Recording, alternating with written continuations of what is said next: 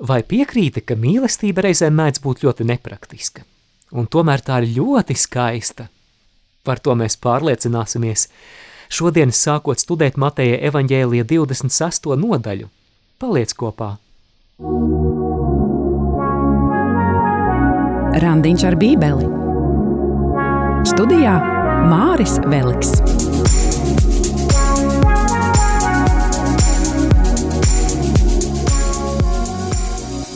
Šodien sākam studēt Mateja evaņģēlija 26. nodaļu. Lasīsim no 1. līdz 16. pantam. Zīmīgi, ka ir lielā gavēņa laiks, un tieši šajā laikā mēs sāksim studēt Mateja evaņģēlija Jēzus ciešanu aprakstu. Un, ja Dievs dos, tad arī lielā gavēņa laikā mēs to pabeigsim studēt, un cerams, ka lieldienu laiku mēs iesāksim arī ar pēdējo nodaļu, runāsim par Jēzus augšām celšanos. Bet nu redzēsim, kā mums ies ar laikiem. Galu galā nekur nav jāsteidzas. Šodienas rakstu vieta jau ir piepildīta ar Jēzus ciešanu priekšnojausmām. Bet pirms mēs sākam to studēt, aicinu uz lūkšanu. Dieva tēva un dēla un svētā gara vārdā Āmen. Mēs tev pateicamies, Jēzu, ka tu mūs tik ļoti esi mīlējis – Mēs lūdzam, lai iedziļināšanās tavā vārdā vairo mūsu mīlestību uz tevi, un lai tā ir upurgatava mīlestība, kas ir spējīga dot pašu labāko tavam godam. To mēs lūdzam tavā svētajā vārdā, Āmen. Svētais Matei lūdz par mums. Vēlēs labāk iepazīt svētos rakstus, bet nezini, ar ko sākt? Raidījums Randiņš ar bībeli ir Tava Bībeles studiju iespēja - dinamiska, mūsdienīga un baznīcai uzticīga. Studē Bībeles grāmatas kopā ar savedēju Māri Vēliku.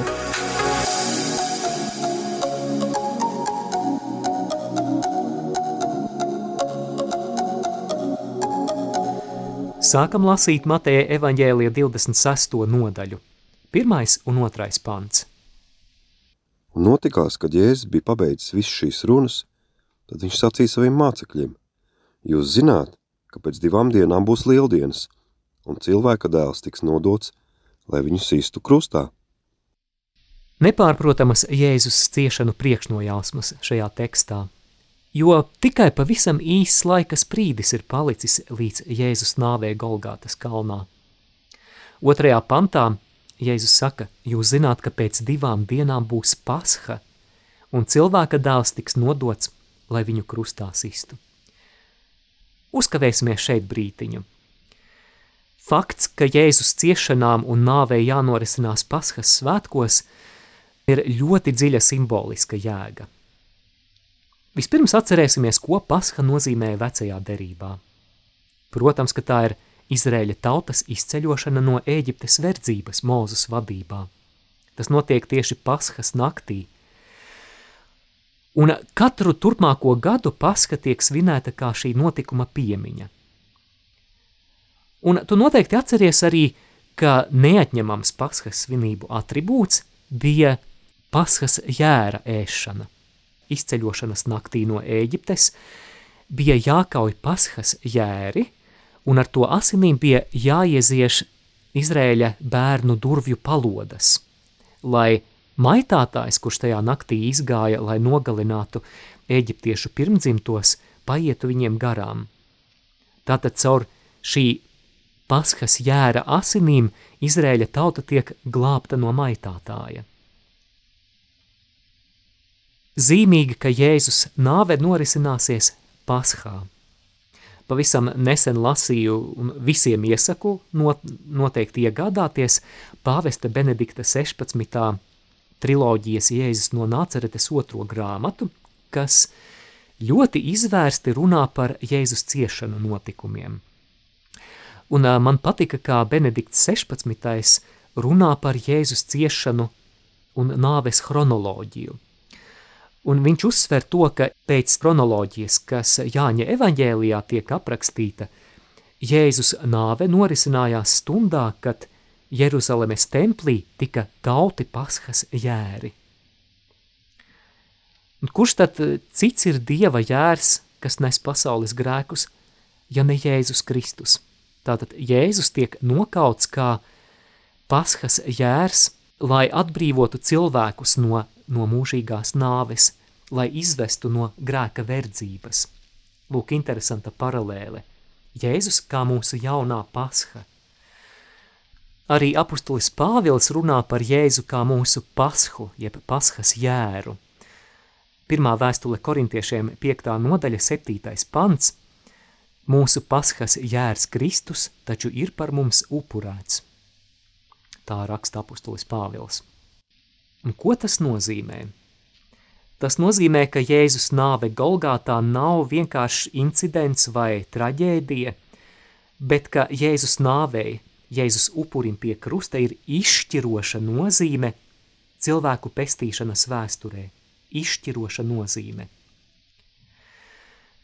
Vecajā derībā upuru pienešana, jeb jēru un citu dzīvnieku upurēšana bija tikai kā priekštēls kādam upurim, kam ir jānāk. Un vēstules ebrejiem autors 9. nodaļā 12. pantā par Jēzu saka tā, viņš neizlēja ne āžu, ne teļu asinis, bet gan pats savējās un reizi par visām reizēm iegāja svētnīcā un ieguva mūžīgu izpirkšanu. Dārgā māsa, dārgo brāli, mēs varam būt vienoti ar Dievu. Mēs varam būt brīvi no grēka. Mēs varam staigāt pilnīgā izlīgumā ar Dievu, pateicoties tam, ka Kristus, mūsu paskas jērs, ir upurēts.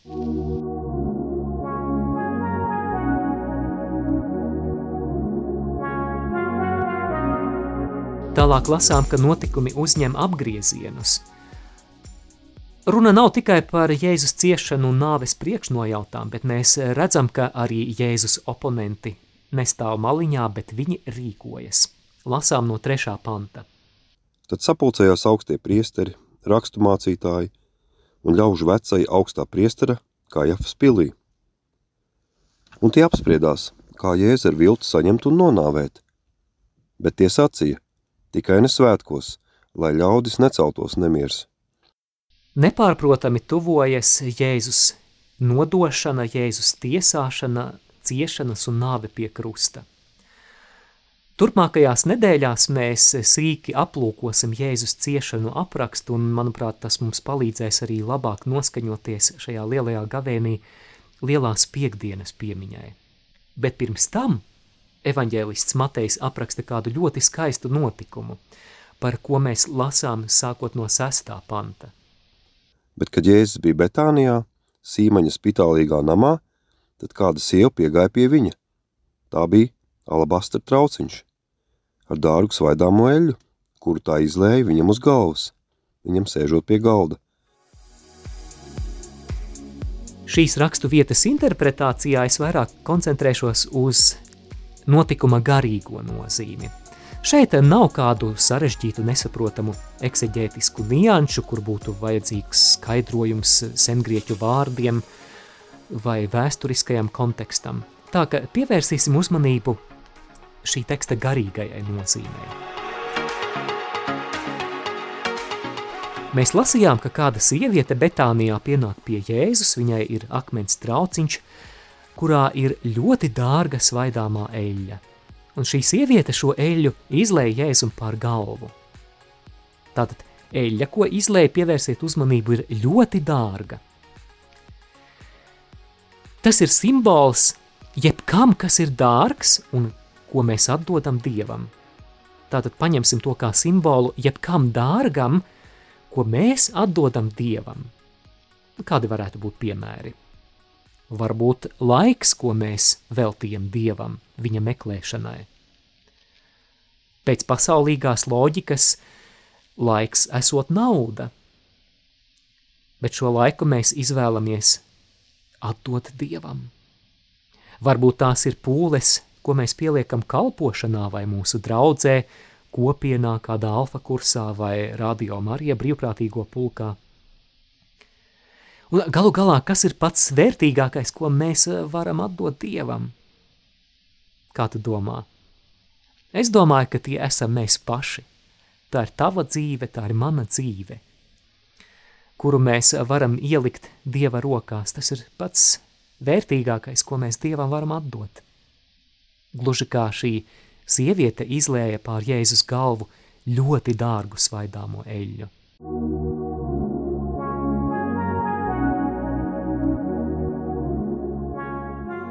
Kad mācekļi to redzēja, tie sašut un sacīja. Kādēļ šī izšķērdība, jo to varēja dārgi pārdot un naudu izdalīt nabagajiem? Kādēļ šī izšķērdība mācekļi kurna? Interesanti, ka mācekļi šo situāciju vērtē ļoti praktiski. Praktiski skatoties, patiešām tā ir izšķērdība.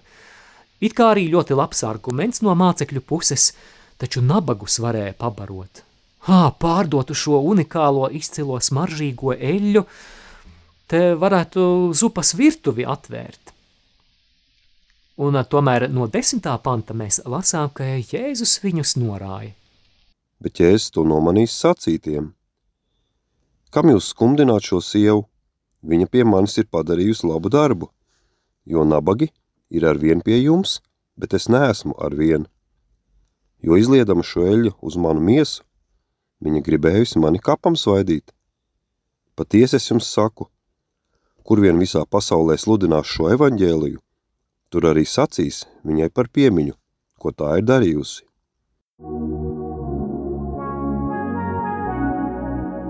Kā mēs dzirdējām, Jēzus šo sievieti uzslavē, un tas mazliet izklausās kā pārmetumu sapustuļiem.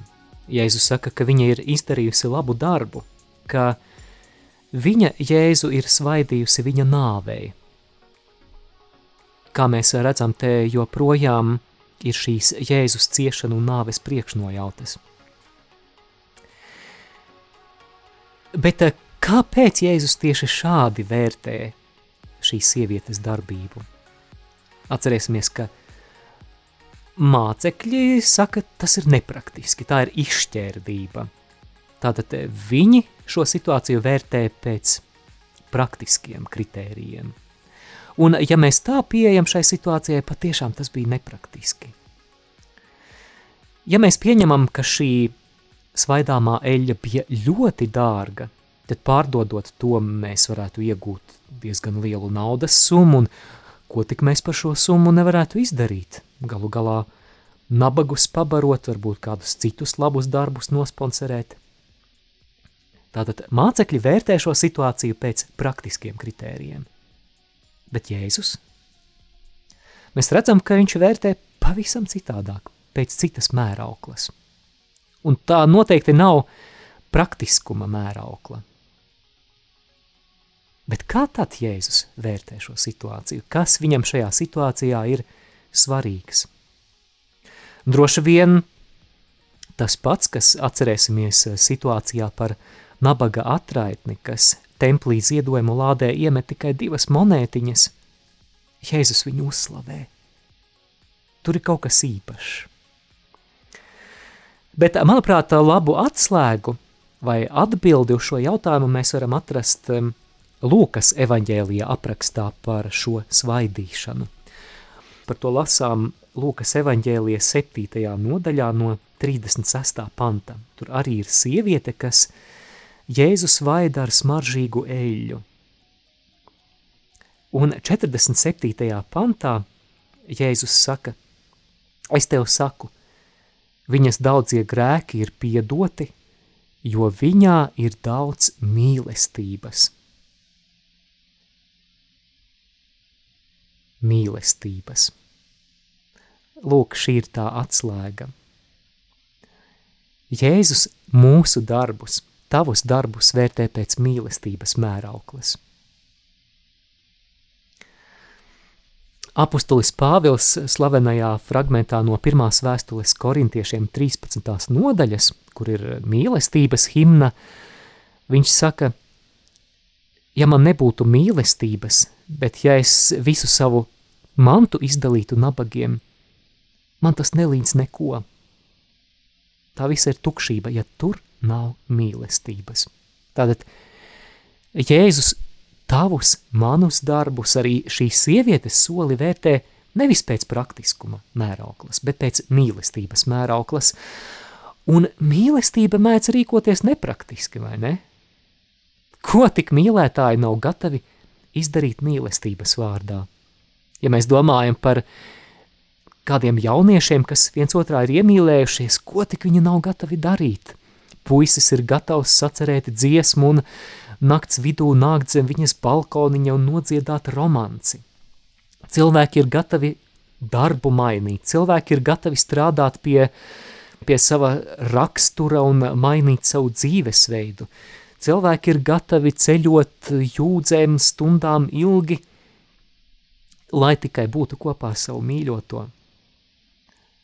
Un galu galā, piemēram, ja vīrs savai sievai dāvina puķes vai puisis savai meitenei, savai līgavai dāvina puķes.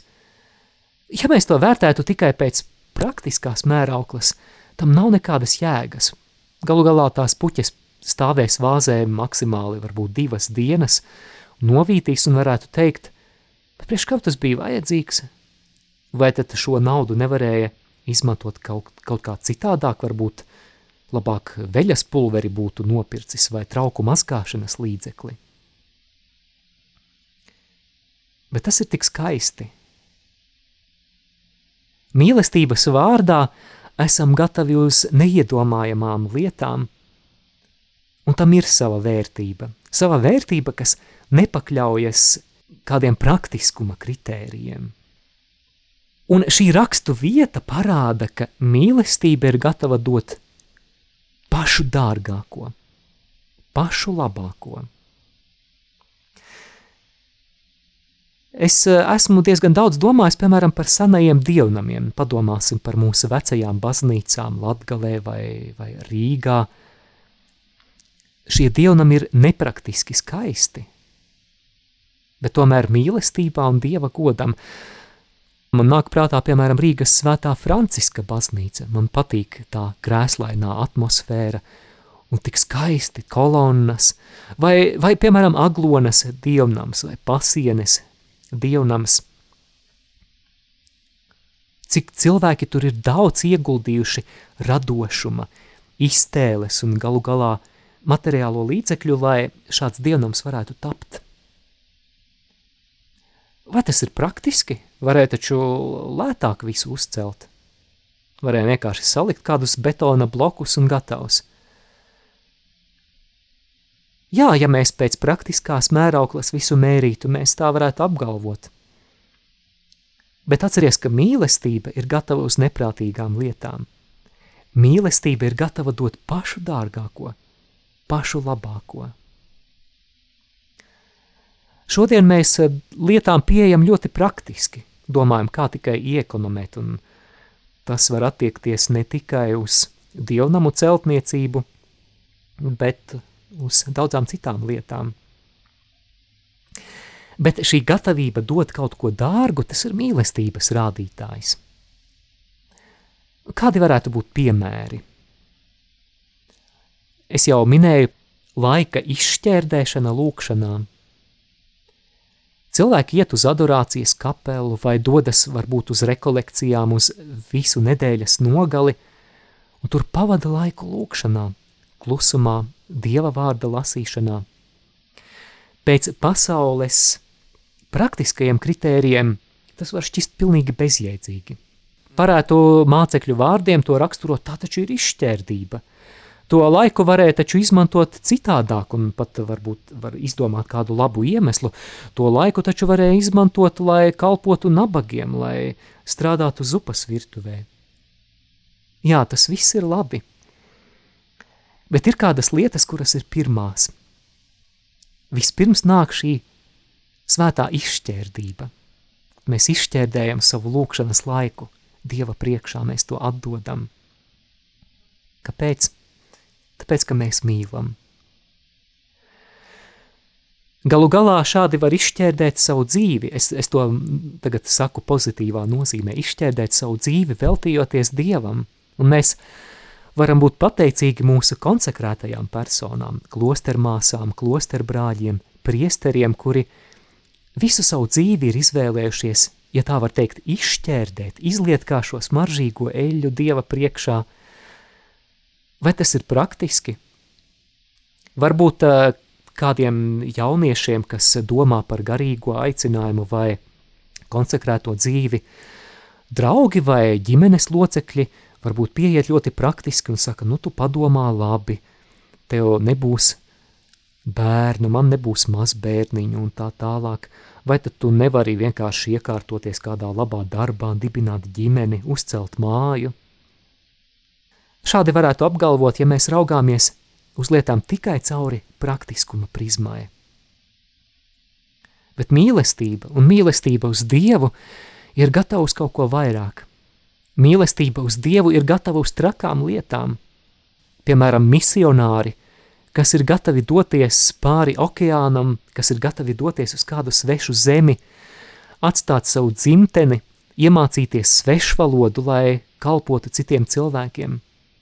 Mīlestības dēļ. Pēc pasaulīgās loģikas tas ir neprātīgi un nepraktiski. Tomēr atzīsim, ka mīlestība uz Dievu nav iedomājama bez šīs svētās izšķērdības. Šīs sievietes solis ir svētās izšķērdības piemērs. Viņa izlēja vislabāko eļļu, un 13. pantā Jēzus saka, patiesi es jums saku – Kur vien visā pasaulē sludinās šo evaņģēliju, tur arī sacīs viņai par piemiņu, ko tā ir darījusi. Dārgais draugs, ja tu kaut ko atdod Dievam mīlestības dēļ, pat tad, ja tas šķiet neprātīgi, zini, ka Dievs to neaizmirsīs. Tas ir ierakstīts Dieva grāmatā.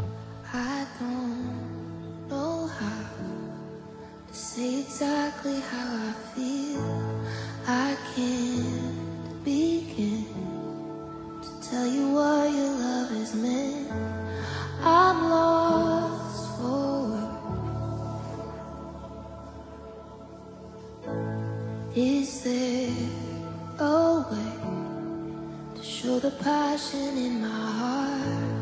Can I express how truly great I think you are, my dear?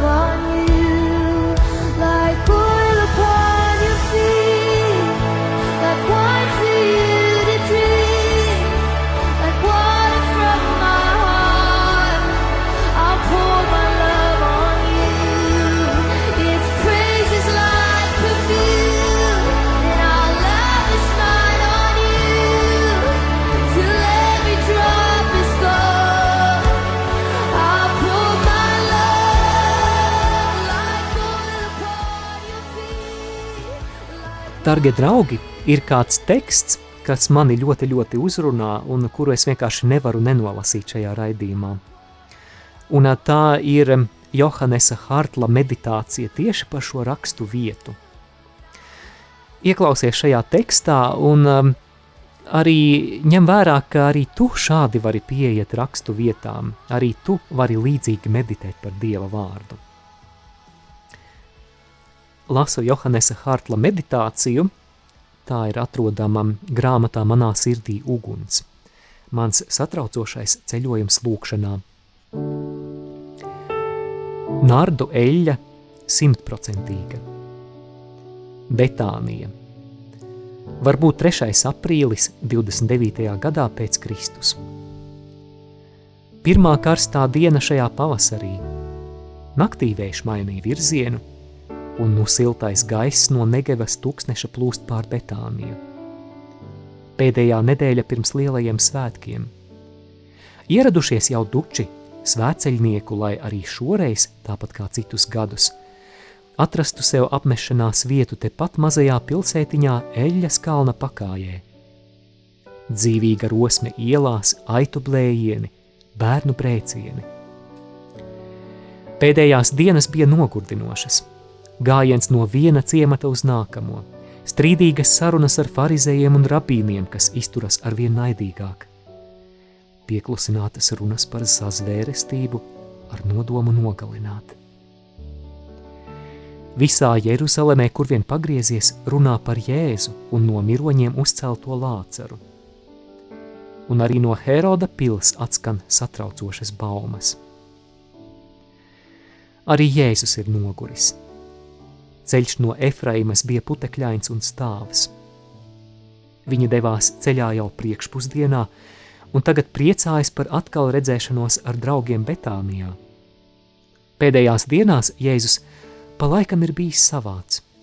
Norūpējies viņš runāja par gaidāmo svētceļojumu uz Jeruzalemi, par konfliktu, par nodevību un nāvi. Cik labi uz brīdi to aizmirst! Ieraugot Betānijas mazās kleķa būdiņas, kas pieklaudušās kalna nogāzēji. Masīvie sinagogas jumta baļķi, ciema aka, un gluži tāpat kā citviet arī šeit bērni, kas saskrien no visām malām, un pieaugušie ciema iedzīvotāji, kas ziņkāri glūn vai draudzīgi pamāja. Jēzus atkal ir te, un ik viens to tūdaļ zina – Taču šodien viņš nemāca ļaudis, neiet uz sinagogu un nevienu nedziedina. Šaurs bruģēts celiņš ved gar mūra sienu prom no ciema centra uz Simona īpašumu. Jā, uz atraitņa Simona īpašumu. Tā paša, kurš bija garšvielu sīktirgotājs un pirms dažiem gadiem saslima ar spitālību. Drīz vien tika izraidīts no ciema un vēl pēc neilga laiciņa nomira – Tagad te dzīvo Lācars un abas viņa vecākās māsas, kuras vecāku vietā nu rūpējas par viņu saimniecību. Šalom lah Marjam! sveicina Jēzus, pirmais ienākdams namā, nelielajā telpā blakus dzīvojamajai istabai. Prieka pilna Marija pagriežas, Ješua! Šalom lehā! Viņa starojot atsaucas. Es nezināju, ka jūs tik drīz atnāksiet, apsēdieties! Tagad ienāk arī mācekļi. Atsteidzas Marta un Lācars. Cik jauki, ka esat šeit, saka Marta, un pasniedz viesiem māla trauku ar ūdeni, kur nomazgāt rokas. Jūs noteikti esat izsalkuši. Marta tūlīt nozūd virtuvē. Lācars apsēžas pie galda. Cik labi atkal būt šeit, saka Jēzus, un padzeras ūdeni no biķera, kas nolikts viņam priekšā tiek iedegtas eļļas lampas, pasniegta maize un garšvielām bagāta mērce. Jēzus ir goda viesis, ģimenes draugs. Pastāsti Jēzu, kur esat bijuši. Dzird runājam, ka tev esot ienaidnieki. Un mācekļi stāsta, kur ceļoši pēdējo nedēļu laikā par brīnumiem un diskusijām. Tad nāk Marta – Šis vīns jums garšos, es to nopirku Pesaha svētkiem, taču šo krūku es atvēru jau šodien jums par godu. Konservētas olīves, aitas piena siers, rozīnes un svaigi plāceņi ar kraukšķīgu garoziņu, svētku galds jēzumu. No rokas rokā tiek padots sāls, zaļumi un olīveļas bļodiņa, lai būtu kur pamērcēt sieru. Raisās līksmas sarunas, kopīgas atmiņas, prieks par notiekošo, un ikreiz, kad ierunājas Jēzus, visi uzmanīgi ieklausās viņa vārdos. Pēkšņi Marija pieceļas no galda. Līdz šim viņa sēdēja klusējot un tikai lūkojās un ieklausījās Jēzu, tāpat kā ar vienu. Sarunas pie galda, ēdieni, darbi, tas viss viņai šķiet tikai fons. Viņa, nu, viņa nozūd blakus istabā, un dažas minūtes viņas prombūtne netiek pamanīta. Kad viņa atkal klusi ienāk dzīvojamā istabā, Neviens to pat neievēro. Ēna ārpus gaismas loka, ko veido eļļas lampas. Ēnā ārpus gaismas loka, ko veido eļļas lampas, viņa tuvojas Jēzum. Neviens nenojauš, kas notiks.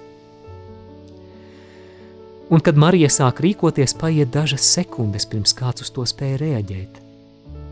Viņai rokā ir mākslinieciski veidota alabastra amfora, kas laistās silti rožsārtos toņos.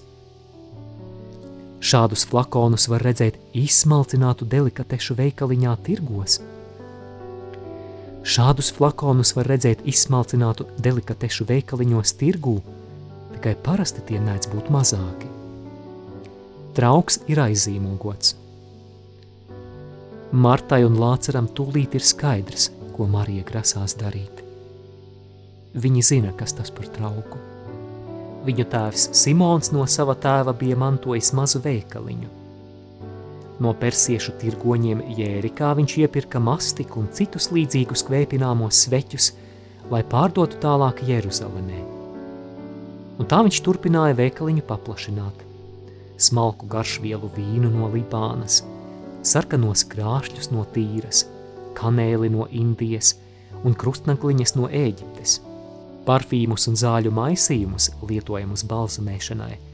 Viņš mēdza gatavot pats, tāpēc viņam piederēja neliela cēlāko un vērtīgāko ēterisko eļļu kolekcija.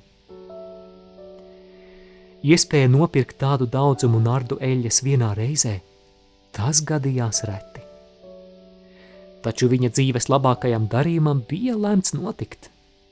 Tīra, augstvērtīga nardu eļļa no zemes starp Eifratu un Tigru. Viņš pasmaržoja tikai dažas lāses, lai to novērtētu, taču ar to pietika. Tā bija smalkākā nardu eļļa, kāda jebkad bija nonākusi viņa rokās. Viņš jau redzēja savu acu priekšā dučiem lielu amforu, pildītu ar balzamēšanas maisījumu, kuru izcili aromātisku darīs tikai dažas lāses šīs smaržīgās esences. Cena par lielisko eļļu nebija maza. Viņam nācās atdot ievērojamu daļu no visas naudas, kas bija viņa rīcībā. 150, 200, 250, 300 sudraba monētu viņš noskaitīja uz karavānas vadītāja galda. Taču šis pirkums viņam ļaus gadiem ilgi pagatavot augstvērtīgas smaržvielas un panākt labu apgrozījumu. Visas šīs atmiņas vienā mirklī uzvirmoja Martas un Lācara prātos. Tēvs bija miris pirms diviem gadiem. Marta kā vecākā bija mantojusi māju, Lācars visu naudu un tīrumu pakalnā, bet Marija vēl joprojām aizīmogo to amforu. Nardu eļļa ir viss Marijas mantojums, viņas finansiālais nodrošinājums, viņas pūrs. Tātad vienīgā iespēja kādreiz tikt pie vīra, bērniem un sociālās drošības – Tieši šo alabastra flakonu tagad Marija tur rokās, un ar vienu apņēmīgu kustību nolauzusi traukam kaklu, sāk izliet tā saturu pār Jēzus galvu.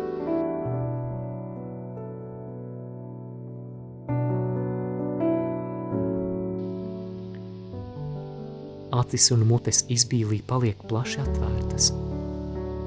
Viņa eļļu tik tiešām lej. Ar dažiem šās izcilās eļļas pilieniem uzmanīgi dozētiem pietiktu, lai aromatizētu ķēniņu guļas vietu. Taču Marija nerimstas. No sasistā alabastra plūst tieva spīdīga strūkliņa. Lāso pār Jēzus biezajiem matiem, tek pār pieri, iesūcas apģērbā. No viņa noliecas pie Jēzus kājām, un arī pār tām bagātīgi izlai dārgo vielu, ar savām rokām to iemasējot. Kā izsmalcinātu smaržu eksplozija, visu telpu piepilda ziedaini koncentrēts aromāts. Salds, austrumniecisks, kairinošs un bezgala dziļš. Tāds, kas modina tūkstošiem atmiņu un pārņem savā varā visas maņas un prātu. Ko viņa dara? Šis jautājums iezīmējas viesu sejās, un dažiem tas čukstus izlaužas pār lūpām. Taču ar to vēl nepietiek. Žiglā kustībā Marija pie deniņiem atraisa savu plīvuru un izņem koka sprādzi no biezajiem tumšbrūnajiem matiem, kas nu atrisuši viļņiem klājas pār viņas augumu. Noliekusi galvu pie Jēzus kājām, viņa sāk tās slaucīt un susināt ar saviem matiem kā ar dvieli nu gan ir pārsniegtas visas pieļaujamās robežas. Visur ir nardu eļļa. Tā pilno Jēzus galvas, drēbēm un kājām, no Marijas matiem un plūst pār kažo kāda segu, uz kuras atgūlies Jēzus. Ko tas nozīmē, nespēja savaldīties jūdas? Tā taču nardu eļļa! Tā ir vesela namīpušuma vērtībā, To varēja pārdot par 300 denāriem un naudu izdalīt nabakiem. Kāda bezjēdzīga izšķērdība! Tagad arī pārējie piebalso. Tas bija viņas mantojums. Ja Simons to zinātu, tas nu dien ir par daudz. Kāpēc Jēzus neko nesaka? Tu tikai padomā, 300 denāriem! taču Jēzus šķiet neko no tā nedzird. Klusēdams, vairāk ar izpratni nekā ar smaidu viņš lūkojas Marijā, bet viņas acis nemirkli nenovēršas no viņa. Ļaujiet viņai, saka Jēzus tā, it kā runātu vairāk ar viņu, nevis ar kādu citu. Nabagi ar vienu ir pie jums, bet es nebūšu vienmēr. Patiesi es jums saku. Kur vien visā pasaulē tiks sludināts šis evaņģēlijs, tur tiks stāstīts par to, ko viņa man darījusi.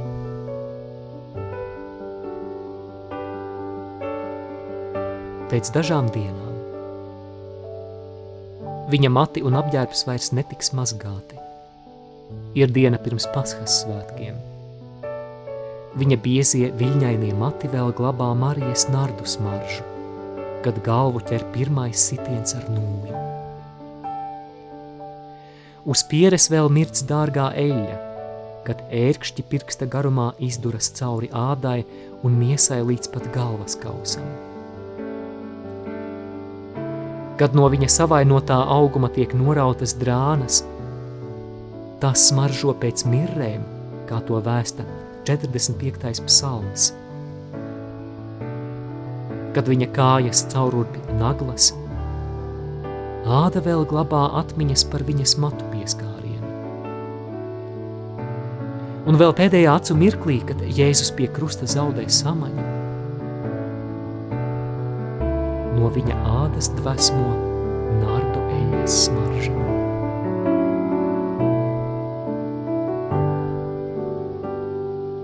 Marija manu miesu ir svaidījusi apbedīšanai. Viņa man ir darījusi labu darbu. tas viņai netiks piemirsts arī mūžībā. Šī bija Johannesa Hartla meditācija no grāmatas Manā sirdī uguns. Pēc brīža būšu atpakaļ ēterā.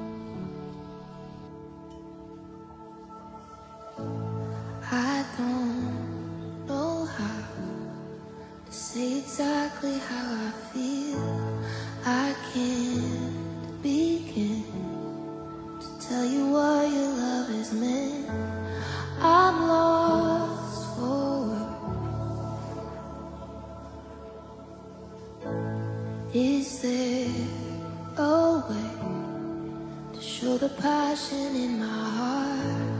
Can I express how truly great I think you are, my dearest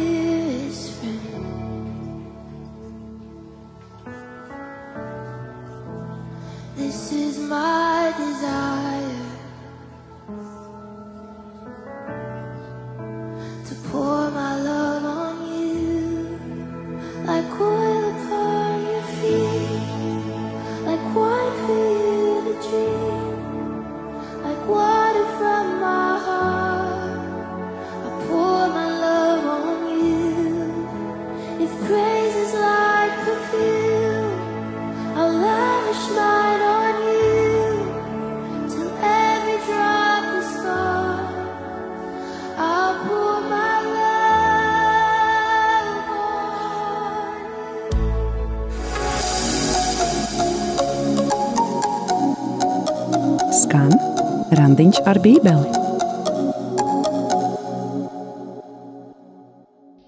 Atpakaļ ēterā raidījums Randiņš ar bībeli un es Māris Veliks. Mums vēl ir trīs panti, ko lasīt šodien raidījumā, un mēs lasām no 14. panta līdz 16. pantam. Ak, nabaga jūdas! Tad viens no divpadsmitiem, saukts Jūda Iskarjots, nogāja pie augstiem priesteriem un sacīja, ko jūs man dosit, ja es jums viņu nodošu? Un viņi iedeva tam 30 sudraba gabalus. Un no tā laika tas meklēja izdevīgu brīdi, lai viņu nodotu. Jūda Iskariots, viens no 12 Jēzus draugiem, ir gatavs nodot savu mācītāju. Ko jūs man dosiet, ja es jums viņu nodošu? Viņš jautā augstajiem priesteriem. Jūda, kāpēc tu to dari? Kas ir noticis tavā sirdī?